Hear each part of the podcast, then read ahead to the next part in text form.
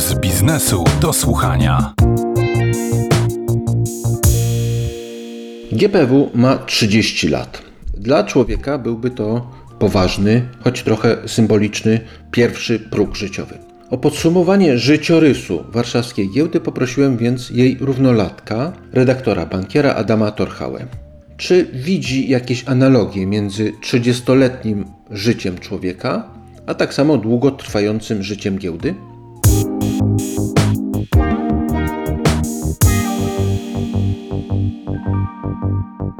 Trzeba przyznać, że te początki były bardzo trudne. No bo oczywiście samym narodzinom giełdy towarzyszyło sporo rozgłosu, wokół było wiele cioć, wielu wujków. No jednak te pierwsze miesiące to taka żmudna praca, dużo prozy życia codziennego i opieki nad tym dzieckiem.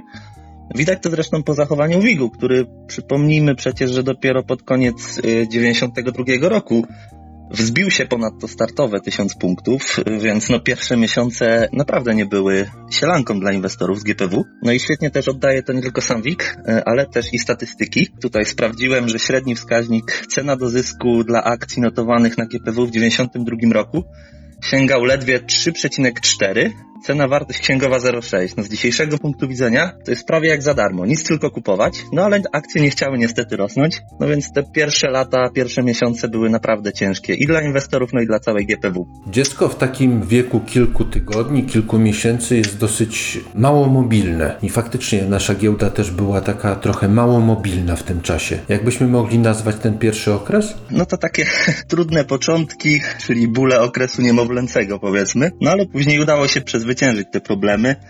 No i GPW dość z przytupem wyszła z tego okresu niemowlęcego w okres dzieciństwa. Dziecko miało już za sobą pierwsze kroki, potrafiło mówić, zaczęło skupiać na sobie coraz większą uwagę. Tysiąc punktów wspominane nie było już przeszkodą dla WIG-u. Dawno zostawił je w tyle, no a sama giełda przyciągała coraz to nowe spółki. No i tak jak wspomniałeś, ten małomówny, ale płaczliwy brzdąc przekształcił się w no, takiego dynamicznego, dynamiczną, można powiedzieć, kilkulatkę, która skacze, tańczy, jest jej wszędzie pełno, buzia jej się nie zamyka. Głośniej zresztą usłyszała o niej też szersza publika, Przykładowo w 1993 roku giełdowe wyniki trafiły do telegazety, czyli ówczesnego internetu. Tego samego roku e, zwiększono liczbę sesji do trzech, no przecież początkowo to była jedna w tygodniu. Zainteresowanie rynkiem no coraz bardziej też yy, nakręcały szybkie wzrosty, które no z jednej strony stanowiły pochodną ogromnej wówczas inflacji, no ale z drugiej strony były też jak, jakby sposobem na ucieczkę przed nią. Szczytowym momentem tego okresu jest słynny debiut ING w styczniu 1994 roku, no i długie kolejki po akcje spółki. Wówczas giełda stała się, tak oczywiście w polskim wymiarze, takim swoistym pępkiem świata, czyli to marzenie niejednego kilkulatka zrealizowało się właśnie, by być pępkiem świata, no ale niestety ta Hossa 9394 przeszła do historii jako jedna z najbardziej szalonych y, w historii GPW. No w ostatnich czasach może się z nim równać chyba tylko to szaleństwo ostatnie covidowe na New Connect, no choć z racji trochę zupełnie innego otoczenia, trudno te przypadki porównywać, no ale kluczowa cecha tu była jednak wspólna. Wzrosty były napędzane wzrostami, coś szło w górę, super, no to jutro pewnie też pójdzie w górę, więc warto to kupić. No i choć, y, no jak wspomniałem, startowaliśmy z dosyć niskich wycen, no to jednak te wyceny przez taki system dosyć szybko urosły do, no niezdrowych poziomów.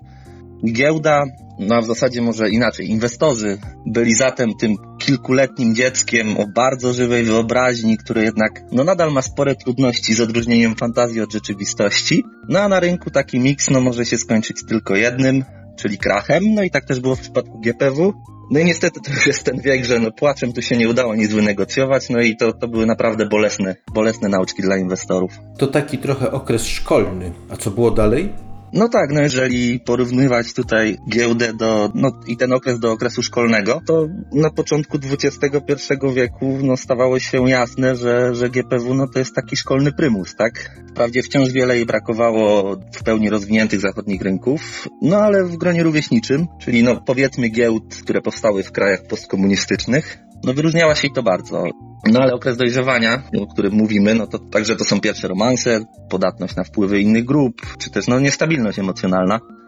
No i GPW w latach... Jak to się objawiało u GPW nastolatki? No, GPW w latach 2005-2008 dojrzewała bardzo intensywnie, no ale ta inspirowana Zachodem Wielka Hossa, jak pamiętamy, okazała się przeidealizowanym obrazem rynku, więc ta euforia zmieniła się w depresję w kilka chwil. Tutaj mamy to rozchwianie emocjonalne, no a sama GPW z tych burzliwych czasów dojrzewania wyszła, no możemy to powiedzieć, z dzieckiem. No z jednej strony chcianym i przynajmniej w zapowiedziach kochanym, no z drugiej mocno zaniedbywanym przez młodego rodzica. No chodzi tu oczywiście o powstały w 2007 roku rynek New Connect, który miał być takim otwarciem giełdy na nowe technologie. No tymczasem przez pierwsze lata wychowanie GPW szło naprawdę fatalnie. Na rynek spółki brano w zasadzie z łapanki. Szybko się z takiego kuszącego atrakcyjnością i dynamiką rynku stał się on takim po prostu śmietnikiem, gdzie było wiele spółek widmo. Główny indeks permanentnie spadał. No teraz zaczęto dużo rzeczy prostować, choć nie wszystkie. No jednak za pierwsze lata rodzicielstwa GPW otrzymuje naprawdę kiepską notę. To też był okres takich romansów, jak to bywa u osób nastoletnich czy dwudziestokilkuletnich. No tak, tak. No najpierw, e, żeby w ogóle wejść w romansę, GPW musiała sobie poradzić z tą depresją po krachu. No i tutaj można powiedzieć, że pomogli jej trochę rodzice, czyli Skarb Państwa, bo choć na świecie no, pojawiały się nowe perturbacje, no w tym kryzys zadłużeniowy w Unii, no to jednak w Polsce te wielkie, wielki program tych częściowych prywatyzacji lat 2009-2013, gdzie na rynku innymi PGE, PZU i ODSW się pojawiły, no to budowało zainteresowanie rynkiem, szczególnie, że mocne wsparcie tutaj dawały też już bardzo rozwinięte wtedy e, otwarte fundusze emerytalne. GPW poszła też na studia, zrobiła fakultet z obligacji korporacyjnych, z rynku energii, więc rozbudowała to swoje CV. No rosła też liczba zagranicznych znajomych, czyli spółek spoza Polski notowanych na, na GPW.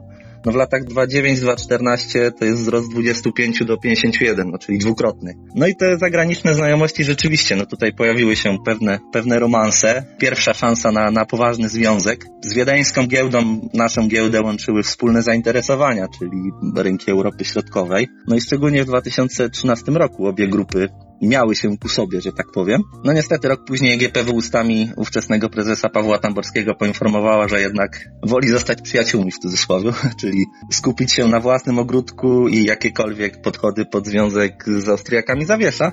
No i może, może to i dobrze, bo później okazało się, że ta strategia przyjęta przez Wiedeńczyków okazała się no niezbyt stabilna. No ale warto też dodać, że później na tapet nie trafiła już żadna tak poważna próba aliansu. Ostatnio pojawiające się pomysły czy to z Izraelem, czy, czy ostatnio z Armenią, no to takie poszukiwanie egzotycznego partnera przez portale randkowe bardziej. No oczywiście nie jest powiedziane, że to nie zaiskrzy, ale jest to inny kaliber niż, niż te podchody pod Wiedeń. Czy Warszawa powinna żałować tego, że rzuciła Wiedeń, który tak umizgiwał się do niej? I tak i nie. No, z jednej strony, no tak jak wspominałem, ten pomysł Wiednia z jednoczeniem tych giełd y, regionu nie chwycił i to się zaczęło wszystko rozpadać.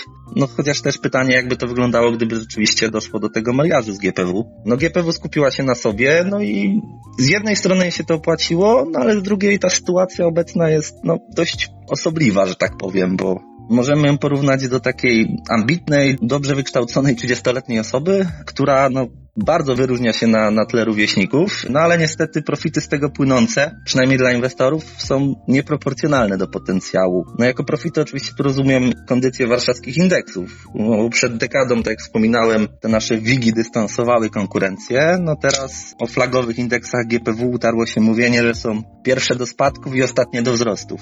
No i oczywiście jest w tym pewna złośliwość, bo w sporej mierze jest to, to pochodna dominowanego przez Skarb Państwa i banki WIG20. No ale właśnie tutaj się pojawia ta rodzina, tak, która wcześniej była pomocą, no a teraz nagle te problemy rodzinne ze spółkami Skarbu Państwa stały się takim podcinaczem skrzydeł, które nie pozwalają się dalej rozwinąć, tak? No i też z pomocy w ciężar zmieniły się OFE, które przecież, no nie dość, że są rozmontowywane, to jeszcze co chwila zmienia się pomysł na rozmontowanie, więc ciężko tu mówić o jakiejkolwiek stabilności no i efekt jest taki, że w ostatnich latach no WIG20 rzeczywiście rozczarowuje na tle zagranicznych odpowiedników. No wygląda, wygląda, wygląda to fatalnie, jak się spojrzy na stopy zwrotu. No niemniej 30 lat, no to wiek dążenia do pewnej stabilizacji. No i to samo widzimy u GPW. Prace nad własnym systemem transakcyjnym, pomysły na ekspansję poprzez rozwój własnych technologii. To się świetnie wpisuje właśnie w tą stabilizację. Można to porównać do 30-latków do zakupu własnego mieszkania, tak? No GPW dołączyła także do, do grona rynków rozwiniętych. No i choć wciąż tylko w klasyfikacji y, FTSE, no i dla wielu to był dość symboliczny ruch, no ale jednak awans ten y, świetnie pokazuje poczyniony przez lata postęp. Od niedojrzałego rynku z kilkoma spółkami, z jedną sesją w tygodniu, do rynku z zapleczem pozwalającym porównywać się do elity. No i choć na co dzień no dość mocno narzekamy na wiele wad i przywar polskiego rynku kapitałowego, no i w ostatnich latach te indeksy rozczarowują, przynajmniej WIG20, no to jednak nie sposób docenić tego, jaki postęp przez te 30 lat y, GPW poczyniła, no jak się zmieniła, tak? Więc naprawdę, naprawdę mamy mocny ten rynek kapitałowy, mimo tych wszystkich wad. Troszkę rozczarowująca, troszkę oczarowująca 30-latka. Dziękuję za to podsumowanie. Podsumowywał 30-latkę GPW Adam Torchała, również 30-latek, analityk bankiera. Dziękuję bardzo. Dziękuję bardzo.